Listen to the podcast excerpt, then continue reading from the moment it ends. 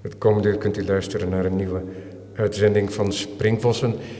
U hoort een lichte echo en dat is de echo van de ruimte van Tegenbos van Vreden aan de Bloemgracht.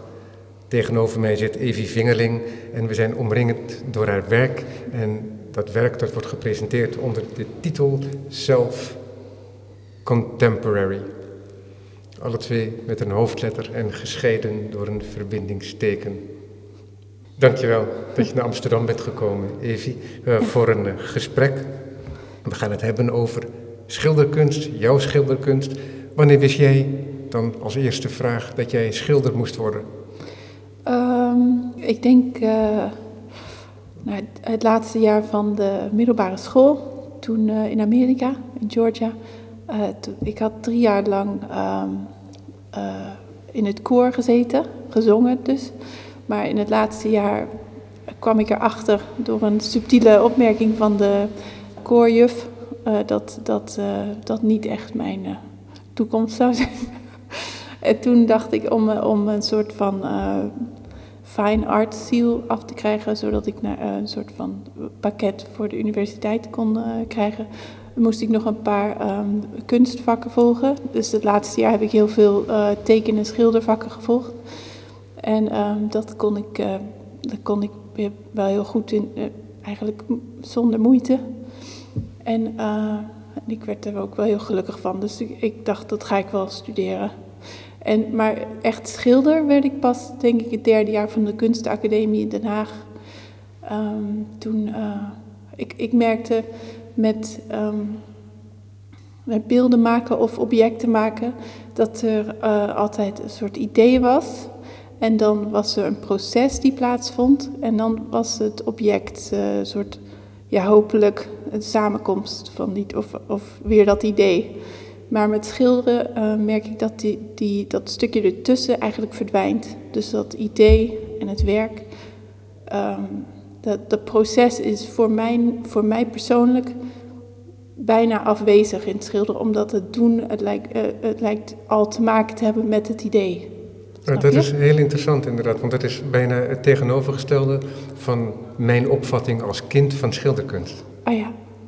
En maar wat was dat? Nou, dat heb ik wel vaker voor deze microfoon gezegd, denk ik, dat ik, ik tekende zelf heel veel. Mm -hmm. En wat ik er belangrijk aan vond, is dat lijnen een soort levendigheid beelden, een soort potentie. Ja. En dat werd in schilderkunst, dacht ik, als, weet ik veel, 12, 13-jarige, werd dat vastgelegd. En dus werd eigenlijk die, die mogelijkheden... Ja, van die, een tekening? Die, die, werden gereduceerd tot één mogelijkheid. Dus Ah. het was net alsof het toegedekt werd, uh, verzegeld. Oh ja. En, En die, de tekenen hield het juist open? Ja. Oh ja. ja. Nou, ik streef naar een schilderen wat het open laat. En uh, wat wilde ik nou net zeggen? Ja. Nou, je had het over, uh, over een, het hebben van een idee en hoe dat verbonden was met het tekenen, dat het een traject was. En dat het in de schilderkunst, als ik het goed begrepen heb, voor jou was dat dat geen oh, ja. traject was Ja. naar een uitvoering van het idee, Ja. maar dat de uitvoering zelf misschien wel, maar dat is dan een vrijheid die ik mezelf veroorloof, dan al het denken was. Ja, ja dat, het doen, uh, dat het gewoon één geheel werd. Het idee en het maken. En ik, uh, ik moest eraan denken, laatst toen hoorde ik um, een, een muzikant, uh, die werd gevraagd van waarom speel jij de harp? Joanne Newsom.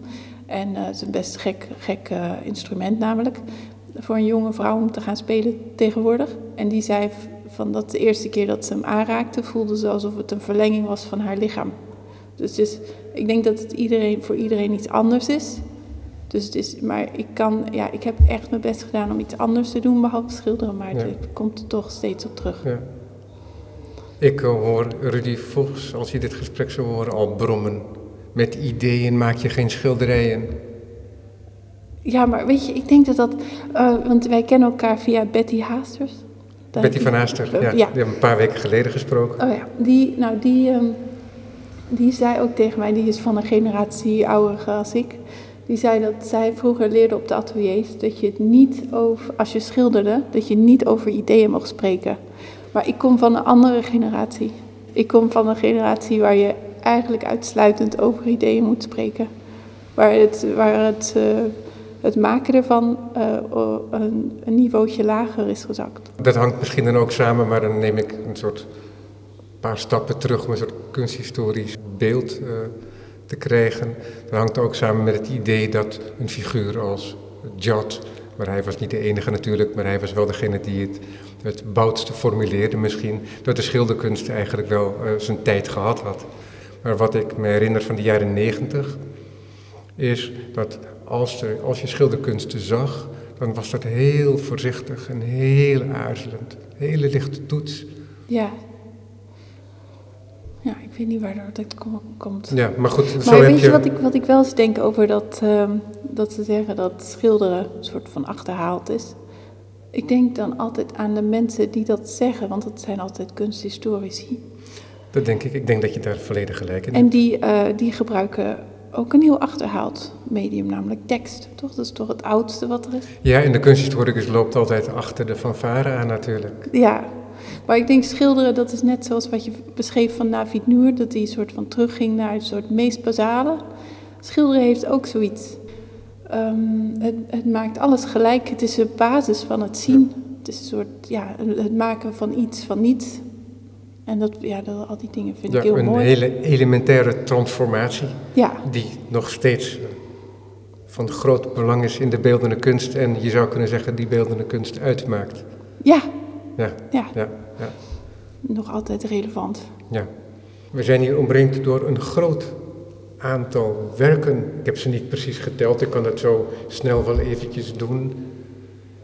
Nou, we komen zo richting 12, 13, 14 werken. Over wat voor periode zijn deze doeken gemaakt?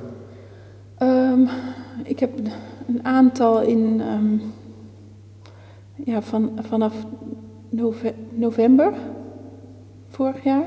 Maar de, dat zijn er maar 1, 2, 3. Ja. En de rest zijn uh, vanaf ik denk december. Dus de afgelopen twee, drie maanden. Ja, heel recent werk. Ja, ja ik had vorig jaar een tentoonstelling, begin van de zomer uh, kreeg ik een uh, tentoonstelling of een opdracht voor een tentoonstelling in Spanje. En eigenlijk sinds die tijd ben ik heel erg hard aan het schilderen steeds. En um, heb ik maar hele korte periodes ertussen dat ik pauze heb. Nu ook, ik moet eigenlijk weer gaan werken voor een tentoonstelling in Gent in mei bij mijn galerie daar. Maar voor ja, um, Pietje en Martin die zeiden daarvoor, of eigenlijk zo rond die tijd, van uh, ja, waar, we willen je tijd geven om te experimenteren. Ja, Martin van Vrede en uh, Pietje Tegenbos. Ja, maar uh, ik zei ja, maar ik moet geen tijd hebben. Want als ik tijd heb zonder een opdracht, zonder een soort van re reden om te exposeren, dan um, vind ik het zonde van de, niet zonde, maar dan denk ik ja, waar doe ik het voor? Je, een, je, je, kiest liever een punt aan de horizon. Ja, dat heb ik nodig. En dan uh, juist, juist, met een beetje lichte, maar wel uh, genoeg tijd, maar een beetje tijdsdruk, dan ga ik juist uh, van alles proberen. Dus dat is hier ook gebeurd. Ja. Allereerst, het is werk gewoon op doek, linnen. Je hebt verschillende formaten. Er zijn een aantal liggende beelden. De meeste beelden zijn staand ik zeg een aantal liggende beelden, maar dat is eigenlijk alleen het beeld ja, die ook, die uh, achter jou. Oh ja, inderdaad. Ja. En uh, tegenover ja. de entree. Wat voor materiaal gebruik je? Uh, ik gebruik acryl en gouache. En dat hoort niet op doek, maar ik meng het op zo'n manier dat het heel dun is. waardoor ik het toch een beetje samen kan mengen, zodat het er niet afvalt. Maar um, het is wel het brozer dan normaal. Maar het is, ja, omdat het zo dun is, Um, maar ik vind gouache zo mooi omdat de pigment op de oppervlakte blijft liggen. En met acryl gaat het al, altijd zo achter zo'n plastic laag zitten. Ja. Dus ik, ik uh, speel er wel een beetje mee, maar ik heb wel getest, het valt er echt niet af. Het is, het is dun genoeg dat het goed hecht aan de ondergrond. Ik heb tegenover mij een schilder zitten die in elk geval niet bang is voor kleur. Ja. Al is het wel zo dat je je per doek heel erg beperkt. Ja, in dit geval is het zo dat je zou kunnen zeggen, globaal, dat er één achtergrondkleur is en dat er daarop uh, motieven of bewegingen zijn gezet. Ja. En dat is dan vaak in twee kleuren, soms in één, een enkele keer tonaal in drie varianten, zou Ja. je kunnen zeggen. En het is ook iets ambivalenter dan ik dat nu doe voorkomen. Want er zijn ook werken waarbij je niet kunt zien wat een voor- of achtergrond is, omdat er een voortdurende uitwisseling is Ja, dat vind ik mooi. Als tussen die positie. soms wel als het een beetje heen en weer flapt. Ja, Want ook, maar die daar, die blauwe, die loopt ook een beetje over. Zie je de achtergrond? Ja, Maar inderdaad. dat is wel de enige ja, in deze ja. tentoonstelling. En dat is dan een wijsje naar een eh, schilderij wat een soort hemelsblauwe kleur heeft. En dat wil zeggen dat er iets zilverwittig in zit en eh, iets metallics blauw tot echt aan een hemelblauw. En eh, als ik het zo onder een hoek zie, en ik weet het ook, want ik ben er langs gelopen, ja, dan, dan wisselen die partijen. En dat doet mij dan denken, dat bedoel ik niet oneerbiedig, aan het behang, aan het Jordaanese interieur van mijn, van mijn oma. Oh ja, dat je, dat je zo'n deel verloor hebt en een deel in, de, eh, in de glim. brokaat ge- glimmend. Oh, ja. mooi. Waardoor je, als, je dat, als de zon erop scheen, dan kon hij eh, kantelen. Oh, mooi. Ja, dat is mooi. Ja, precies. Goed. Nou, tot zover de behangkunst en de schilderkunst eh, vergeleken. Maar dat motief eh, van Lieder komt eigenlijk uit eh, boomschors. Dat is een, eh, een boom die ik zag. Ja, want dat is inderdaad het volgende punt Ja. wat ik wilde, wilde aanraken. We hebben gezegd wat voor materiaal je gebruikt en ehm, over de kleuren, de rijkdom van het werk. En dan is het ook inderdaad zo dat je af en toe vermoedt, niet altijd, dat er een referent is. Hè, Ja. Dat er iets wordt. Maar je kunt niet per definitie zeggen dat er iets gerepresenteerd wordt. Want dat Nee. is weer wat anders. Ja. Ja, nee, het is wel, het komt allemaal van hele specifieke momenten. Observaties. Ja, observaties. Ja, en, ehm, en eh, ja, de, dan heb je een moment, je kan het inspiratie noemen of wat dan ook, van, eh, van het zien. En eh, ehm, ja, ik vind dat erg bijzonder, dat eh, raken van het zicht en wat het, eh, wat het in je hersens doet. Een vriendin van mij, die is hersenwetenschapper, die zegt dat, oh nee, dat had ik ook gelezen, dat een deel van, dat je ogen blijkbaar niet alleen maar een soort van eh, losse klont zijn die met de verbinding naar je hersens, maar dat veel van, dat die deel zijn van je hersens. Dus dat denken ook plaatsvindt in je ogen. Dus dat, ik denk, ik vind het gewoon dat al heel bijzonder. Dat, dat, dat, eh, en het, eh, Maar dat er herseneigen cellen ook in het oog zitten. Ja. Net zoals dat ze eigenlijk, weten wij nu, ook verbreid zitten in ons hele lichaam eigenlijk. Ja. Dus dat die, die hersenen niet alleen maar onder die schedeldak zitten. Ja, precies. Nou. En, ehm, en, en ook de, het vermogen van eh, wat jou ziet, om dat jou eh, emotioneel te beïnvloeden. Of dat je er wat aan hebt, echt. Weet je, dat je er gelukkig van wordt, dat het je troost.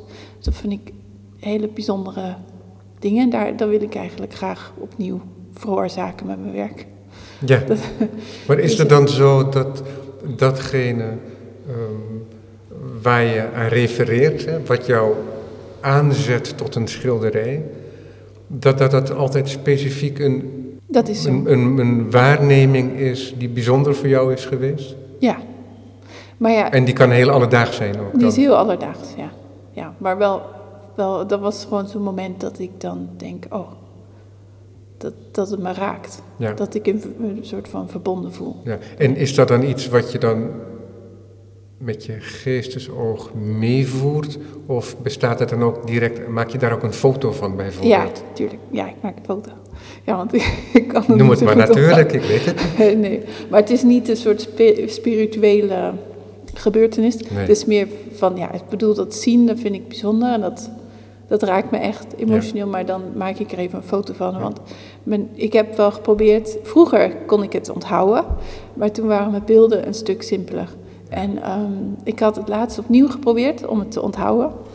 Maar dan krijg ik weer zo'n heel simpel beeld en dat interesseert me gewoon niet meer. Omdat ik, ik vind het, ik weet niet precies wat het is uit zo'n moment wat mij raakt. Dus ik neem die tekening of die, die, ehm, die eh, foto terug, die print ik uit en die trek ik over. En dan denk ik, waar lag het nou aan, aan die vormen? Want het, het ligt aan het lichtval, aan de, aan de kleuren, aan de, ja, aan, aan, soms is het als de zon door de bomen schijnt, dat, je, dat sommige bomen ook oplichten stukjes en dat de schaduw komt van achteren en dat er een soort andere vormen ontstaan. Terwijl ja, die diepte wordt helemaal eh, overhoop gegooid. Ja, en als je gewoon door een stad beweegt of Ja. door een, eh, door een, Reflecties in tijdens, een, ramen. tijdens een wandeling ergens, Ja. dan ben je geneigd om van alles weg te filteren, omdat je het niet nodig hebt. Ja, dus de informatie is niet belangrijk. Ja, exact. Maar ja, dus die- als ik dan weer op mijn atelier ben met die foto, dan kan ik ehm, die context, die belangrijke context die je nodig hebt om door een stad te lopen, dat kan ik allemaal weglaten. En dan heb ik gewoon dat ene moment en dan kan ik helemaal uitklappen. Ja. Weet je? Ja. En, en wat er heel mooi aan is, denk ik ook, en daar dient die foto dan ook toe, is dat je, zoals je zegt, kunt onderzoeken wat er dan bijzonder aan is, maar je hebt ook door die foto een drager waarop heel veel detail naar voren komt. Weliswaar op fotografische wijze, dus Ja. het is ook wel een, interpretatie. Het is Ja. niet hetzelfde als datgene wat je Maar ik gebruik ook mijn Geobserveerd herinnering hebt. heel sterk. Exact, Zo van, wat was het nou? Waar, weet je, en, en vaak dan heb ik alweer, als ik naar de foto kijk, dat mijn oog trekt naar één plekje. Dat ik denk, ja, het zit ergens daar. Zo, en dan probeer ik dat stukje vaak, want die foto's die zijn altijd ook heel groot. Ik ben altijd van hele kleine stukjes uit die foto's aan het halen. Maar dan, ja, dus het is, het is een, een steunmiddel of zo. Maar Ja. het is handig. En is er dan in zo'n periode waarin je een stip aan de horizon zet, 2 februari, opening tegen het Bos van de Vreden Ja. in dit geval, dat je dan ook specifieke observaties eh, volgt? Nee, het werkt precies andersom. Dus ehm, ik ben altijd aan het werk, ik ben altijd ideeën aan het verzamelen. Zelfs al schilder ik niet, dan, dan nog ben ik dat aan het doen. Het is gewoon onderdeel van mijn leven geworden. En dan, ehm, en dan, eh, nou, dan heb ik dus zo'n periode, dus vanaf december tot vanaf november tot nu. En in die tijd eh, maak ik dit werk. En dan achteraf, dan heb ik altijd aan het eind een paar weken dat ik denk, oh ja, maar waar ben ik de laatste tijd nou eigenlijk mee bezig? Weet je? En dan komt er een soort van. eh, eh, ja, je bent altijd. Kijk, als, eh, er gebeuren in je leven steeds dingen. En dan. dan kan je zeggen, daar ben je in je hoofd mee bezig geweest de laatste tijd. Toch? Ook, ehm, jij vertelde over wat, dat je geen croissantje kon eten. Om- Nou, daar ben je dan even mee bezig geweest. Ja. Nou, en, ehm, en ja, dat, dan denk ik, oh ja, dat, dat, eh, dat, die zoektocht die ik in mijn, ja, in mijn hoofd ook mee bezig was, die zie ik dan terug in mijn werk ineens. Dan denk ik, oh ja, dat, eh, dat komt gewoon zo als een rondje bijeen. Zo. Ja. Dat wordt een, een mooi geheel. Ja, waardoor de schilder, Evie Vingerling, niet losgemaakt kan worden van de persoon Evie Vingerling. En dat Ja. zie jij dan, dat je, je herkent je eigen werk, je kent jezelf. Ja, Ehm, je ziet dat het samenvalt ook in het werk. ja en, dan, en dan kan ik dat ook woorden geven. En het, ik lees ook veel teksten vaak als ik, ja, ik ben altijd de New York Times aan het lezen en de New Yorker. En dan komen daar artikelen in voor en dan ga ik weer een schrijver opzoeken en dan lees ik weer wat tekst. Zo kwam ik ook op die tekst van Susan Sontag. En ehm, ja, ik zit eh, op mijn atelier, moet die verf drogen, dus dan zit ik heel veel op de computer te lezen. En ehm, ja, dan komen die ideeën een beetje bijeen en dan denk ik, oh ja, zo kan ik het omschrijven. En dan, eh, ja, dan ontstaat er een soort vorm. Dus die eigenlijk, eh, als je het heel erg plat te zeggen, dan zou je kunnen zeggen van dat ik achteraf pas zeg waar het over ging. Want het is zo, eh, heb je zo'n periode van werk maken en dan achteraf beschrijf ik het pas. Maar het is wel altijd een serie en door die eh, momenten van tentoonstellen en die periodes, een aantal weken dat ik even geen werk maak en een soort van overnieuw beginnen, is het wel altijd zo'n zo'n serie en een periode. Ja, wat ik hier heel opvallend aan vind, is dat je een heel duidelijk schilderstraject hebt, wat volledig beeldgebaseerd is en heel intuïtief is ook. Ook al kent het een soort werkorde Ja, hè, van de fotografie, het zoeken naar de delen die je het meest fascineren. En vervolgens moet je dat ook vertalen naar beeld. En hè, het, het is niet zo dat je dat na gaat schilderen. En dat je het kennelijk ook belangrijk vindt om in woorden te begrijpen wat je aan het doen bent. Dus dat je ook met taal bezig bent. Ja, ik hou, ik hou van uh, denken en van uh, nieuwe ideeën. Van gesprekken die je gedachten veranderen. Of, uh, ik, dat is wel een belangrijk deel van mij. Ja, ik vind het interessant om te denken of te lezen wat mensen over het. wat andere mensen over het leven hebben gedacht. Maar ik ben ook altijd bezig met het her. Ja, een soort van opnieuw bedenken van hoe het zit. Ja, dat is. Ja, ik weet niet. Ja, maar hoe het zit, dat is in dit geval, dat gaat over je eigen leven. Ja. Over ingrijpende gebeurtenissen, maar het gaat ook over je schilderkunst. En dat, wat jij eigenlijk zegt, is dat, dat, dat je dat terug kunt lezen ook in je werk. Ja, ik hoop het. Ja, want ik had jou deze tekst gegeven. Zal ik daar wat over zeggen? Ja, um, uh, want ik heb dus um, uh, acht jaar geleden had ik uh, kanker. Nou, meestal maak ik geen werk wat zo specifiek met mijn persoonlijke leven te maken heeft. Maar um, de laatste tijd moet ik er veel aan denken, omdat ik straks ja, nog een operatie moet hebben. Um, die best ingrijpend is. Maar, de, maar ja, ik ben, ik ben wel helemaal beter. Dus dat is ook niet zo heel erg. Um, maar, um, en die operatie zorgt er dan voor dat je dan uh, meteen in de overgang komt. Dat is best heftig. ik ben 39, dus het is ook niet alsof ik heel jong ben, maar ook niet heel oud. Dus, maar, dus ik ben de laatste tijd aan het nadenken over wat het nou was om, om een jonge vrouw te zijn, misschien ik, waar ik wel heel veel uh, van heb genoten. en, um, en misschien ben ik al een tijdje geen jonge vrouw meer. Want ik, heb al, ik ben al zeven jaar getrouwd en ik heb een dochtertje. En, ja. maar, maar in ieder geval is het zo'n moment om van even terugkijken. En, dan, um, en eigenlijk heb ik nooit echt goed nagedacht over die kanker die ik dan had. En dat uh, wel een beetje. Ik heb probeerde het wel wel, de, wel goed genoeg mee om te gaan dat ik niet met grote. Ik probeerde het ook niet te onderdrukken toen ik het had. Want ik dacht, ja, uh, daar moet je ook later niet mee zitten. En, um, maar ik dacht ineens, uh, ja, toen ik erover na ging denken op mijn atelier, of als ik naar mijn atelier fiets of loop, en dan, dan zie ik de dingen om me heen, en dan, ja, dan ga je denken van, waar, waar wat is nou die kern van, wat ik voel als een jonge vrouw of zo? Waar was, waar, wat was het nou allemaal? En zeg maar diep in de bodem ervan, ja, ik beschrijf het nu niet zo heel goed, maar ik doe mijn best. Maar diep onder die um, uh, soort van bovenlaag van, um, van um, leeftijd en al die clichés van wat, wat er allemaal mis, ja, van, ja, Wacht, ik raak een beetje mijn, verhaal kwijt.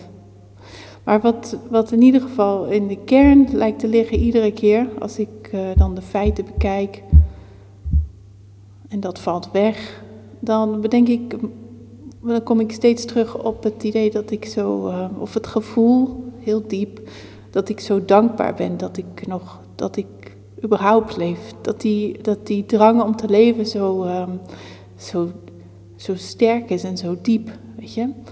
Dat die, um, dat, ik denk dat het niks te maken heeft met vrouw zijn of, of zo.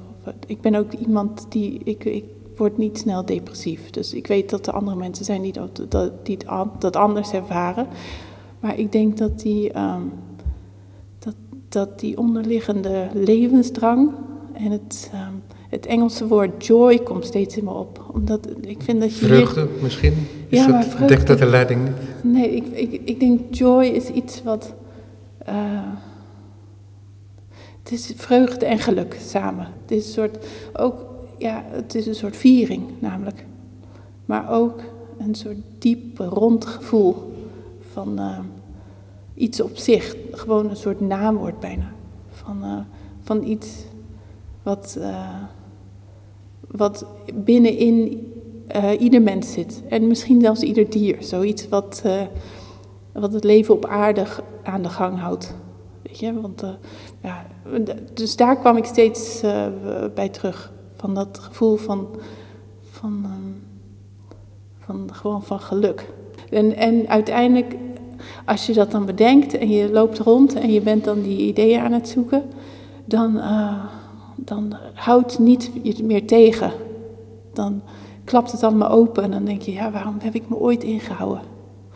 En dan uh, denk je, hoe kan ik me nou nog meer, uh, hoe kan ik het nou nog losser maken? Hoe, hoe kan ik het nou nog vrijer maken?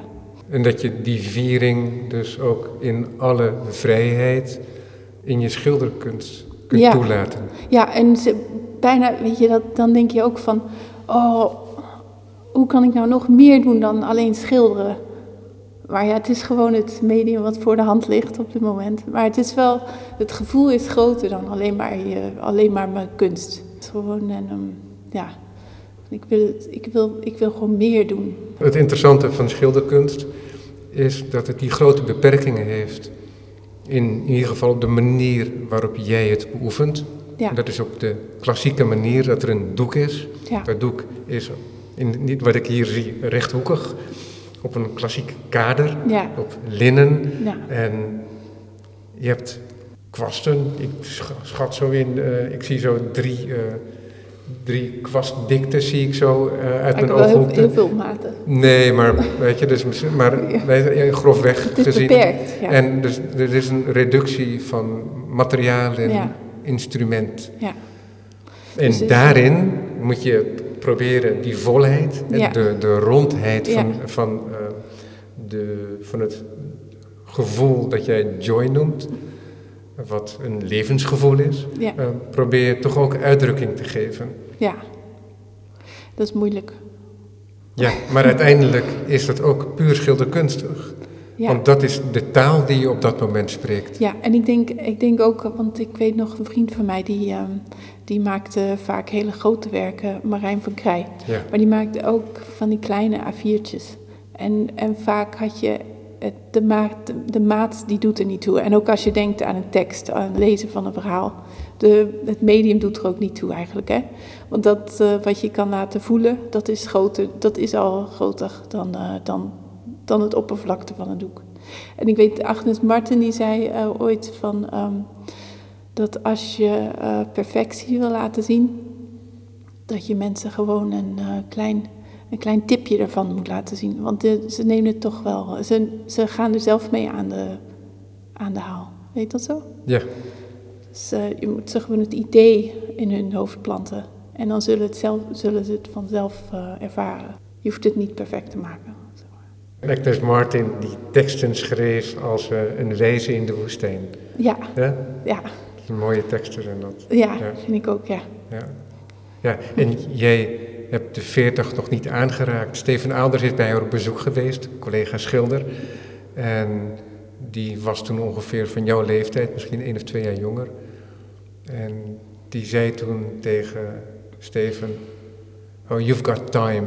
Weet je, je bent echt nog een puppy eigenlijk Ja. in, eh, in de schilderwereld. Dus je hebt alle tijd om datgene te ontdekken en te doen wat je te doen hebt als schilder. Ja, nou, ja dat, dat voel ik ook wel soms hoor. Dat vind ik fijn. Ja, hoewel je ook al een rijk traject hebt dat altijd meespeelt in je werk. Hè? Ja. Je hebt al een geïnformeerd penseel, om Ja. het zo te zeggen. Nou, ik dacht ook laatst, eh, ehm, toen, toen eh, wilde ik iets minder op mijn tekeningen gaan leunen en iets meer op, mijn, op, een- op een soort van wat lossere manier van naar mijn tekeningen kijken.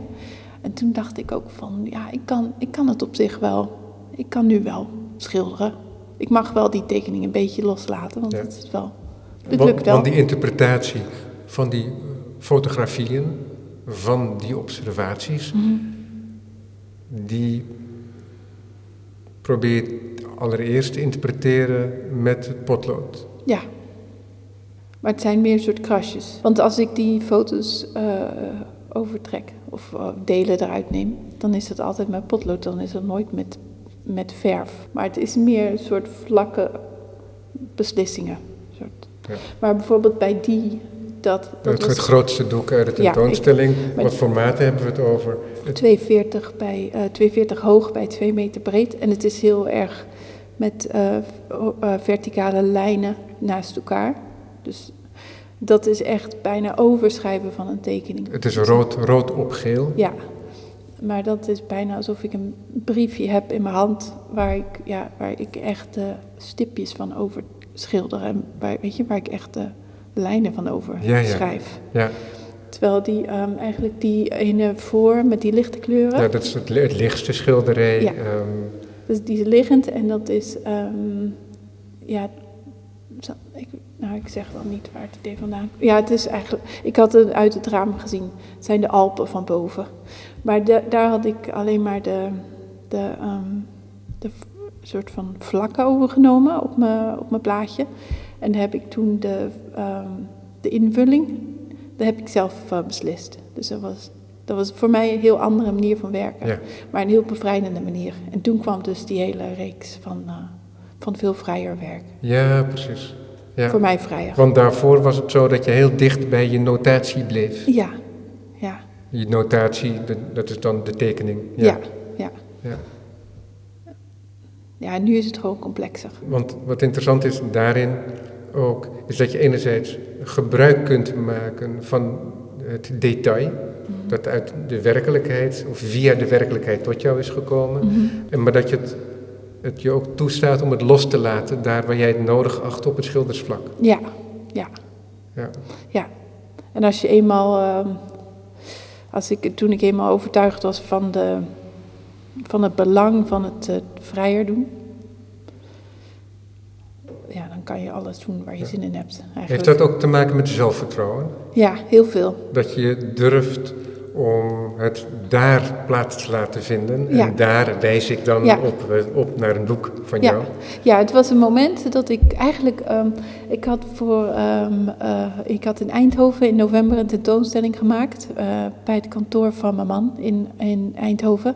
En ehm, wij hadden een aantal werken van modernisten. Ik weet niet hoeveel tijd we hebben. We hebben tijd. Oké, Ehm, een aantal. Met gelijk Agnes Martin kan ik zeggen, we hebben tijd. Eh, we, eh, nou, eh, we hebben een aantal werken van de Amerikaanse modernisten gekocht. Hele mooie werken. Van de tijdsgenoten van Georgia O'Keeffe. En zij zelfs iets te duur van Georgia O'Keeffe. En ook bijna en niet te koop. Maar Die, de- die in, eh, in hetzelfde deel van de Verenigde Staten woonden als Agnes Martin. Die waren de Ja. woest- bijna de woestijn ingetrokken, zou Ja. je kunnen zeggen. ja, nou, wij hebben dus ook... eh, Nieuw-Mexico. Ja, we hebben echt hele mooie werken gekocht uit die tijd. En, ehm, en ook eh, bijvoorbeeld eentje van ehm, Arthur Wesley Dow. En hij is de, de ehm, hij werd gezien als een soort van vader van de leerwijze waarop bijvoorbeeld Georgia O'Keeffe eh kunstles les had.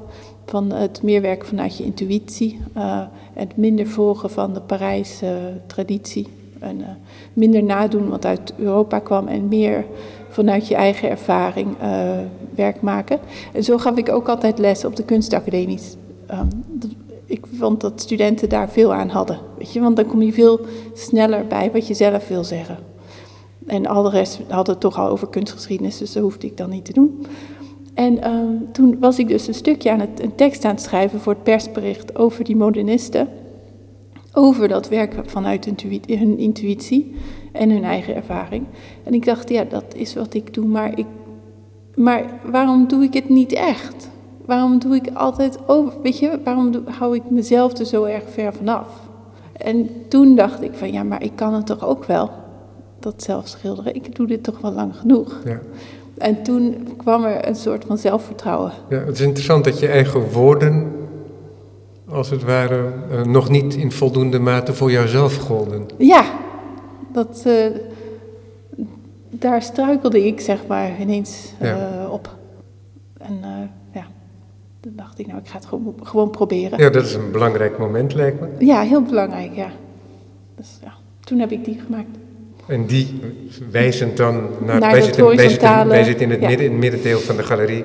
En dan wijs jij inderdaad naar... Dat berglandschap, zeg maar. Precies, bij de voor- opening. Ja, Ja. Ik zei al, het is ehm, achtergrond. En daarop met twee, soms drie kleuren, soms Mhm. tonaal drie varianten. Zijn er dan motieven op aangebracht. je ziet, je denkt soms te herkennen wat iets is, maar tegelijkertijd gaat het ook op in een lijnenspel. Ja, En dat is een soort ritme, een ritme gealterneerd met kleurwisseling. En soms zie je wat partijen ontstaan van een aantal streken naast elkaar. De streken zijn over het algemeen vrij kort. En notaties als het ware. Dat is een soort werkritme ook, denk ik. En een soort controle lijkt daar ook in te zetten. ja, er zit wel iets van ritme in hoe ik het werk maak. Ik moet ook ehm, altijd een dutje van doen van tevoren en dat moet in één keer gebeuren. Dus ehm, ik moet een soort van ja, mezelf een beetje boos maken, zodat het in één keer goed gaat. Maar het hele schilderij Ja, in één keer? nee, de achtergrond doe ik eerst. Ja. En dat is dan mooi droog en dan, eh, en dan doe ik de rest. En dat is één sessie. Ja, altijd. Ja, Want ja. Als, als, ik het, als ik dan terug ga, dan werkt het niet. Het is echt. eh, ja, het is, ik heb nu een manier bedacht om het voor. Vroeger werd ik gewoon wakker in die sfeer, maar toen- toen woonde ik alleen en toen had ik geen dochter. Nu moet ik het echt eh, artificieel eh, tot stand af- brengen. Ja, afbakenen. Ja, dus dan eh, ga ik naar mijn atelier, dan maak ik die achtergrond, of dan teken ik wat en dan doe ik een dutje en dan word ik wakker en dan weet ik wat ik moet doen en dan doe ik het. Zeker ook de muziek op, heel hard. Je werkt met muziek. Eh, ja, of, en ook wel eens met gesproken teksten, maar het is wel altijd hetzelfde dan eh, in, in een bepaalde periode. Ja. Nou, niet dat het zo streng is hoor. Ja. En je werkt aan één doek dan. Dan heb je je kleuren al gekozen van tevoren. Ja niet, ja, niet altijd. Dus de laatste tijd wat minder. Vroeger koos ik die al van tevoren. Nu eh, kijk ik bij die, weet ik, bij dit blauwe werk met drie kleuren. En bij dat werk met nog veel meer kleuren, met vijf of zo. Ja. Die, daar koos ik ook onder het werken nog een paar kleuren erbij. Dus dan, dan is het even snel mengen, zeg ja. maar eh, ja, dat ritme, dat, eh, dat, eh, ja, het, lijkt ook alsof mijn hand dan op een bepaalde manier moet bewegen. De, daardoor komt een soort eenheid in het beeld. Door, de, door die bepaalde herhaling. ja, waardoor je al die losse streken, want dat zijn het. Ja, En die zijn dan soms zo dicht tegen elkaar geplaatst of overlappend zijn, waardoor ze iets van een motief zouden kunnen vormen. Mhm. Maar je ziet ook altijd dat het die losse streken zijn. Je ziet een aanzet, ja, je ziet het, het wegstrijken van Ja. het verf en je ziet het oplichten eh, van de kwast. Ja, ik vind het mooi dat je, niet, ehm, dat je er niet intrapt. Dat het eh, geen. eh, ik, ik hou ervan, dat had ik vroeger altijd in ieder geval. Ja, ik zeg nu iets wat ik vroeger zei. Ik weet niet of ik het er nog Maar, mee eens maar iets wat je wellicht nog steeds doet. Ja, even, ja, wat ik nog steeds doe inderdaad. Dat ik het, eh, dat ik het beeld, dat ik het maken ervan zichtbaar hou en laat zien eh, hoe gemakkelijk het is. Dat, het niet, ehm, dat je niet gaat denken van, oh, dat heeft ze hier eh, hard staan werken of zo. Ja. Want, want dan ga je te veel over mij denken en dan denk je niet meer aan het beeld. Ja. Dan, dan, Ja. Wat ook heel opvallend is, ik ben niet nagegaan of het echt overal zo is, ik denk het niet. Maar over het algemeen is het zo dat ehm, de schilderstreek op het schildersvlak bijna als een soort barrière fungeert. Dus als je één streek zet, dan kan daar niet een streek overheen. Die, Ja. ehm, die wordt daarnaast gezet, als het ware. Waardoor je een spel krijgt met tussenruimtes. Ja. Dus wat heel duidelijk achtergrond is, is als je naar eh, delen van het schilderij gaat kijken, niet helemaal duidelijk meer, want dan wordt het tot voorgrond. ja, En, eh, maar als je dan weer afstand neemt, dan zie je zie de geheel. achter- achtergrond weer wegzakken en dan zie je het geheel. En dan zie je, ja, Ook het geheel van de achtergrond zie je dan weer. exact. Oh Ja. Dan zie je het geheel van de achtergrond en het vibrerende spel van de verschillende eh, toetsen en elementen. Nou, misschien lukt het me in de toekomst om die wel door elkaar te laten gaan. Ja. Maar ehm, ik vind het, ja, ik, ik vond het al eh, vroeger best wel moeilijk om meer dan twee kleuren te gebruiken. Nu heb ik eh, ja, best wat meer kleuren gebruikt steeds. Het lijkt mij ook wel dat dat gaat komen hoor. Maar ik moet het gewoon nog. ik moet vanzelf, ja, het moet nog even erin komen. Ja. Het is geen strenge regel waar ik me aan wil houden. Het is gewoon nu steeds gebeurt. Ik probeer wel soms de kleuren. Daar, kijk, daar, die gele, die Dat is, kleine wa- dat is waar ik eh, naar keek. daar is het wel een beetje een rommeltje geworden. Zie je daarboven? Precies. Ja, Ja, dat is fijn. Fijn toch? ja. Maar dat is interessant, omdat het niet gedacht is. Nee, het is gewoon. Ja, het, het was een manier waarop ik dus zo snel kan werken en die kleuren ehm, eh, zo helder kan houden ook. Ja, Want het anders eh, loopt de verf door elkaar. En dan krijg je allemaal. en Misschien is dat, dat- is dat een kunst op zich mooi. natuurlijk, om dat eh, goed te kunnen doen. Er zijn Ja. eh, meesters die daar eh, een belangrijk deel van hun werk van hebben gemaakt. Ja, zeker. Ik heb ook in die blauwe, dan weet ik wel dat dat die achtergrond mee gaat trekken. En dat vind ik juist goed. Die witte strepen, dat dat, dat blauw van de achtergrond weer Dat, dat, optilt. en dat schijnt ook helemaal door, Ja. het, door het wit heen. Ja, dus dan, soms vind ik het juist wel goed, maar ja. Nou, in ieder geval heb ik nog wat eh, te doen. Er kan nog wat eh, gebeuren. Ja. Strepen door elkaar. Heb je altijd in acryl gewerkt? Nee, ik werkte vroeger met olieverf. Maar ehm, ehm, ik, vind het, eh, ik vond het zo'n smurrie, zo'n vieze drap. en, ik, en ik vond het zo lekker dat, dat lichte, dat je die doek, dat doek bijna niet aanraakt. Of wel gewoon een klein beetje en dat je dat nog ziet. En dat die olieverf, dat vond ik ook te veel, voelde als te veel een daad of zo. Zo- Zo'n aanwezig... eh, Zo'n aanwezig materie. En dat de Eh, in, gouache, in de fysieke presentie. Het Ja. is zwaarder. Ja, zwaarder. Maar ik moet zeggen eh, dat sommige mensen dat voor elkaar krijgen, dat, eh, dat, het voor elkaar krijgen dat ze dat juist heel licht houden, zoals Betty. Ja, Ik vind het juist bij haar, de- als ik haar werk zie, dan denk ik, oh, misschien kan ik ook wel weer met olieverf gaan, schil- gaan schilderen. Als ik het ook, ja, dus ik kan het heel licht houden. ja. Maar ik ben wel gelukkig, maar het is ook eh, ja, gewoon wat gezonder om niet altijd in die dampen te staan. Nee, dat is ook zo. Inderdaad, geen oplosmiddelen. Ja, daar denk ik ook aan. Ja. Ja, nou ja, als het nodig is, dan dient het zich vanzelf wel aan, denk ik. Ja, precies. Toch? De wens om in een ander materiaal te gaan werken. Ja, ja, het kan altijd. Ja. ja op zich eh, zijn er al genoeg eh, uitdagingen Ja, eh, zeker. die nu nog voor je open liggen, denk ja, ik. zeker. Ik heb er ook zin in. Om door te gaan. Ja, om meer te, meer te doen. Ja, ja. want eh, kan je dat meteen doorwerken? Na nee, ik heb altijd zo'n dipje. Zo, maken van eh, een tentoonstelling? Ja, dan hang je het op en dan denk je, oh ja, mm, waar doe ik het nou voor?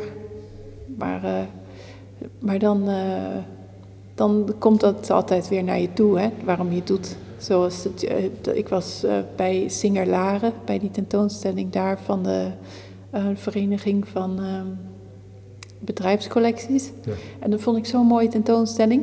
En mijn werk ging daar op een mooie plek. Toen dacht ik, oh ja, ik heb echt wel weer zin om werk te maken. Want het heeft wel, mensen willen er naar kijken. Dus Ja. ja, want dat is dan een geïsoleerd werk. En als je aan een tentoonstelling werkt, een tentoonstelling bereidt, dan maak je geen geïsoleerd werk. Nee, maar het is wel, het is weer... Je, je reageert, het ene doek reageert op het andere, stel ik me voor. Nou ja, nee, ik, dat deed ik vroeger. Dat ik dan een tentoonstelling in zijn geheel maakte. Dat ik al van tevoren wist wat het geheel ging zijn.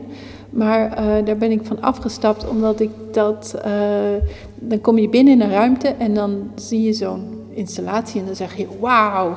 En, maar vaak voor mij vond ik dat niet genoeg. Ik dacht, dan blijft het zo daarbij. Terwijl als je die eh, energie en ehm, dat die noodzaak geeft aan ieder werk op zich, aan, aan één werk, dan kan iemand rondlopen en in ieder werk die ervaring hebben. En dat vind ik ehm, interessanter. Dus ik probeer, ik denk niet over het geheel als ik die, eh, dat, de tentoonstelling aan het maken ben. Juist helemaal niet. Ik zet al die doeken weg als ze goed zijn.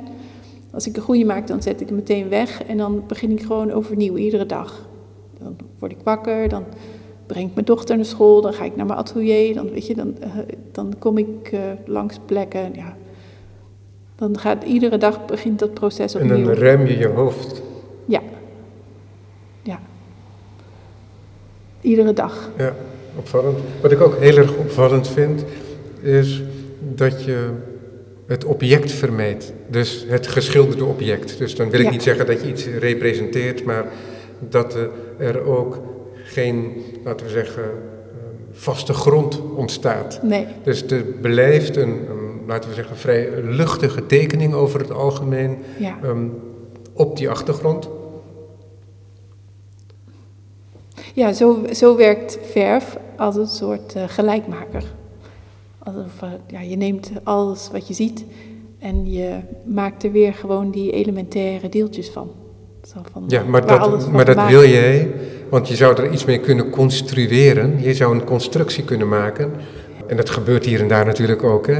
Maar ehm, dat doe je niet door... Je wil, er moet lucht in blijven bij jou, Ja, als ik het zo mag zeggen. Ja. Want als ik zeg dat het niet constructief is, dan zeg ik daarmee in waarheid. Je maakt geen constructies, maar er is...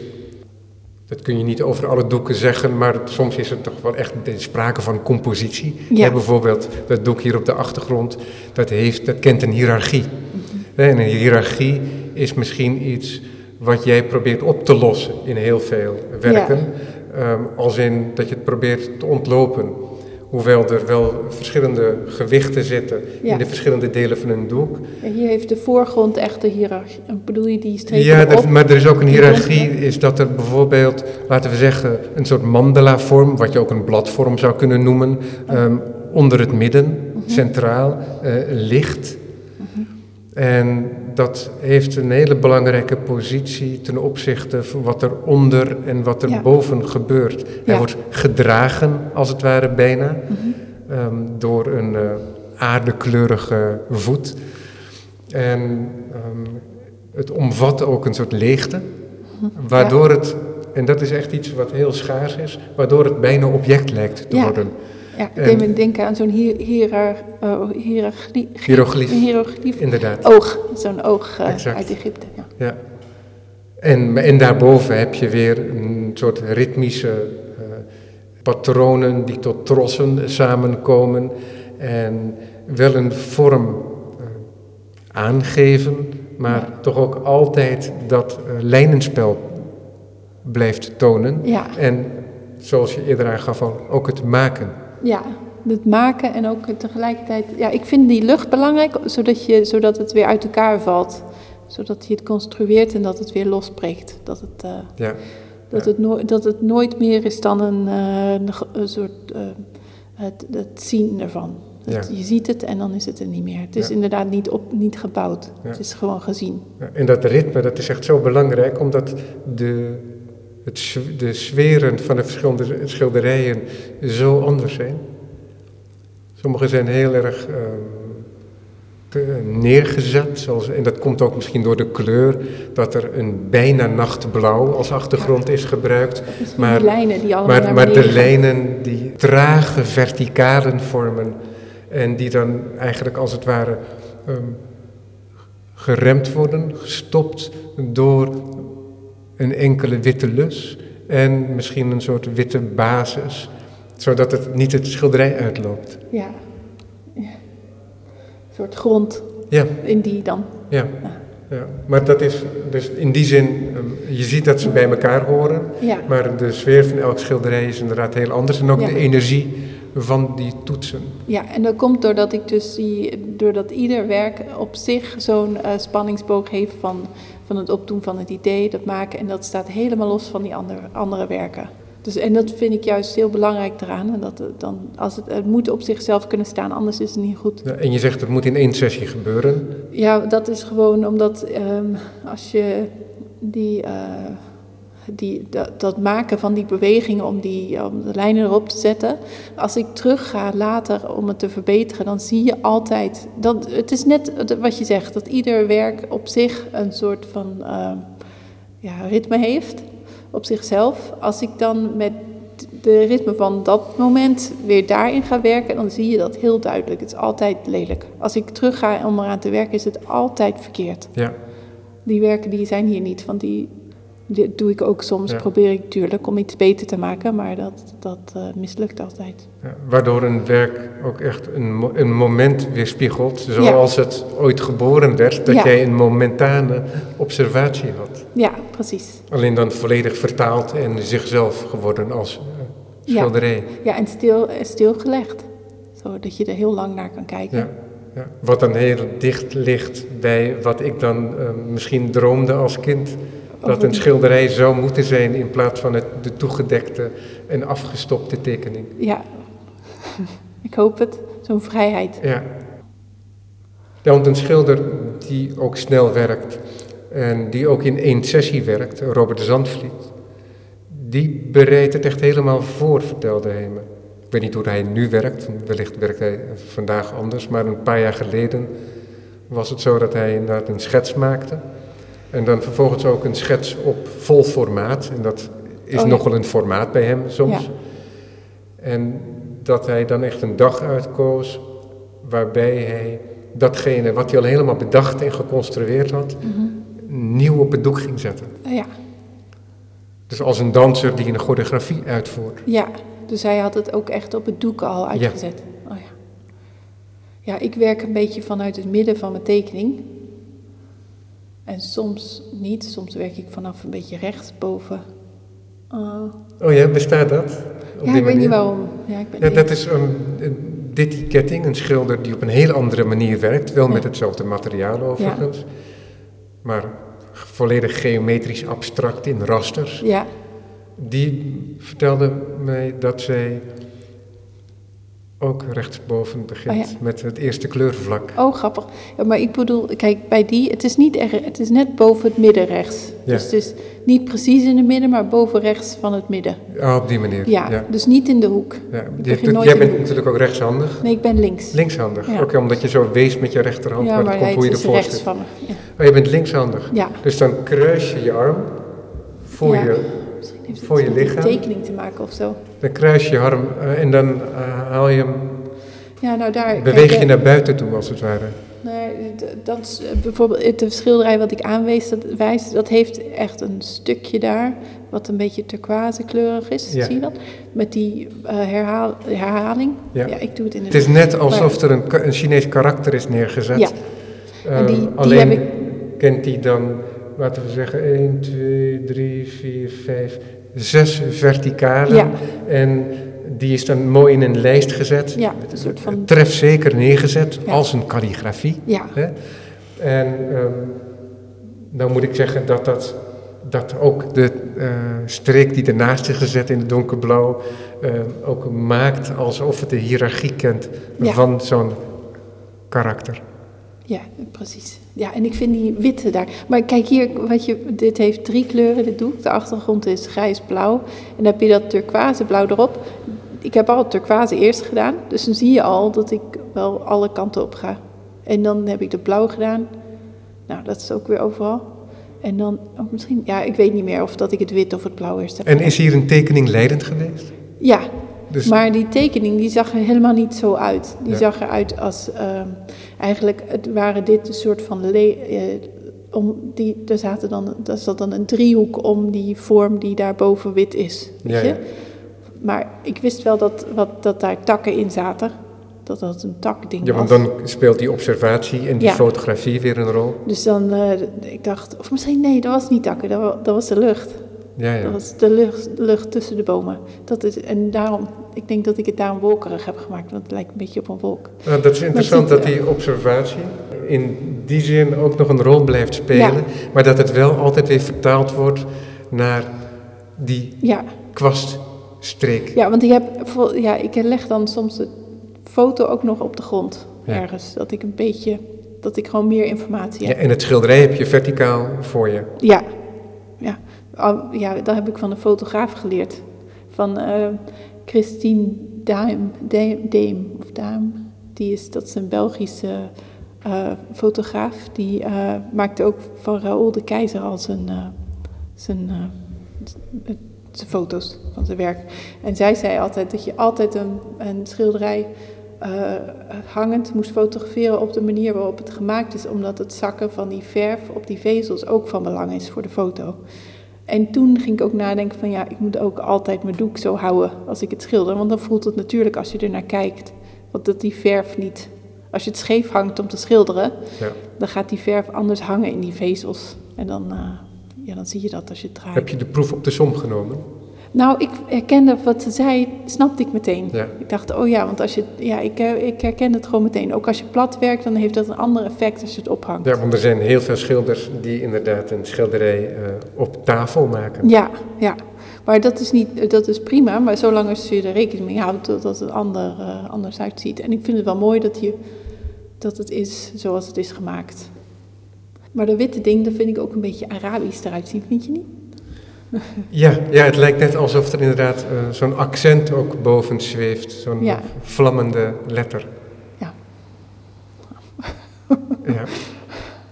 Dat soort dingen spelen ook een rol als je dan schildert. Nee, niet van tevoren, maar dan Nee, zie ik niet dat van tevoren, achteraf maar en dan denk precies. ik, oh, dat, dat vind ik wel mooi. Al die associaties. We zijn aan het einde van het gesprek. En volgens mij hebben we alles besproken. Nou, er is altijd wel meer te bespreken. We spreken elkaar ongetwijfeld nog wel een keer. Ja. Ik vond dit in ieder geval een fijn gesprek. Ja, dank je ervoor. Ik dank je ook voor je mooie tentoonstelling. Ja, dank je dat je me uitnodigde. Ja, en eh, op naar de volgende tentoonstelling. Ja. Een nieuwe punt aan de horizon. Ja. Maar voorlopig is deze tentoonstelling zelf contemporary nog te zien bij Tegenbos van Vreden eh, tot en met uit mijn hoofd 16 maart. Ja, dat klopt.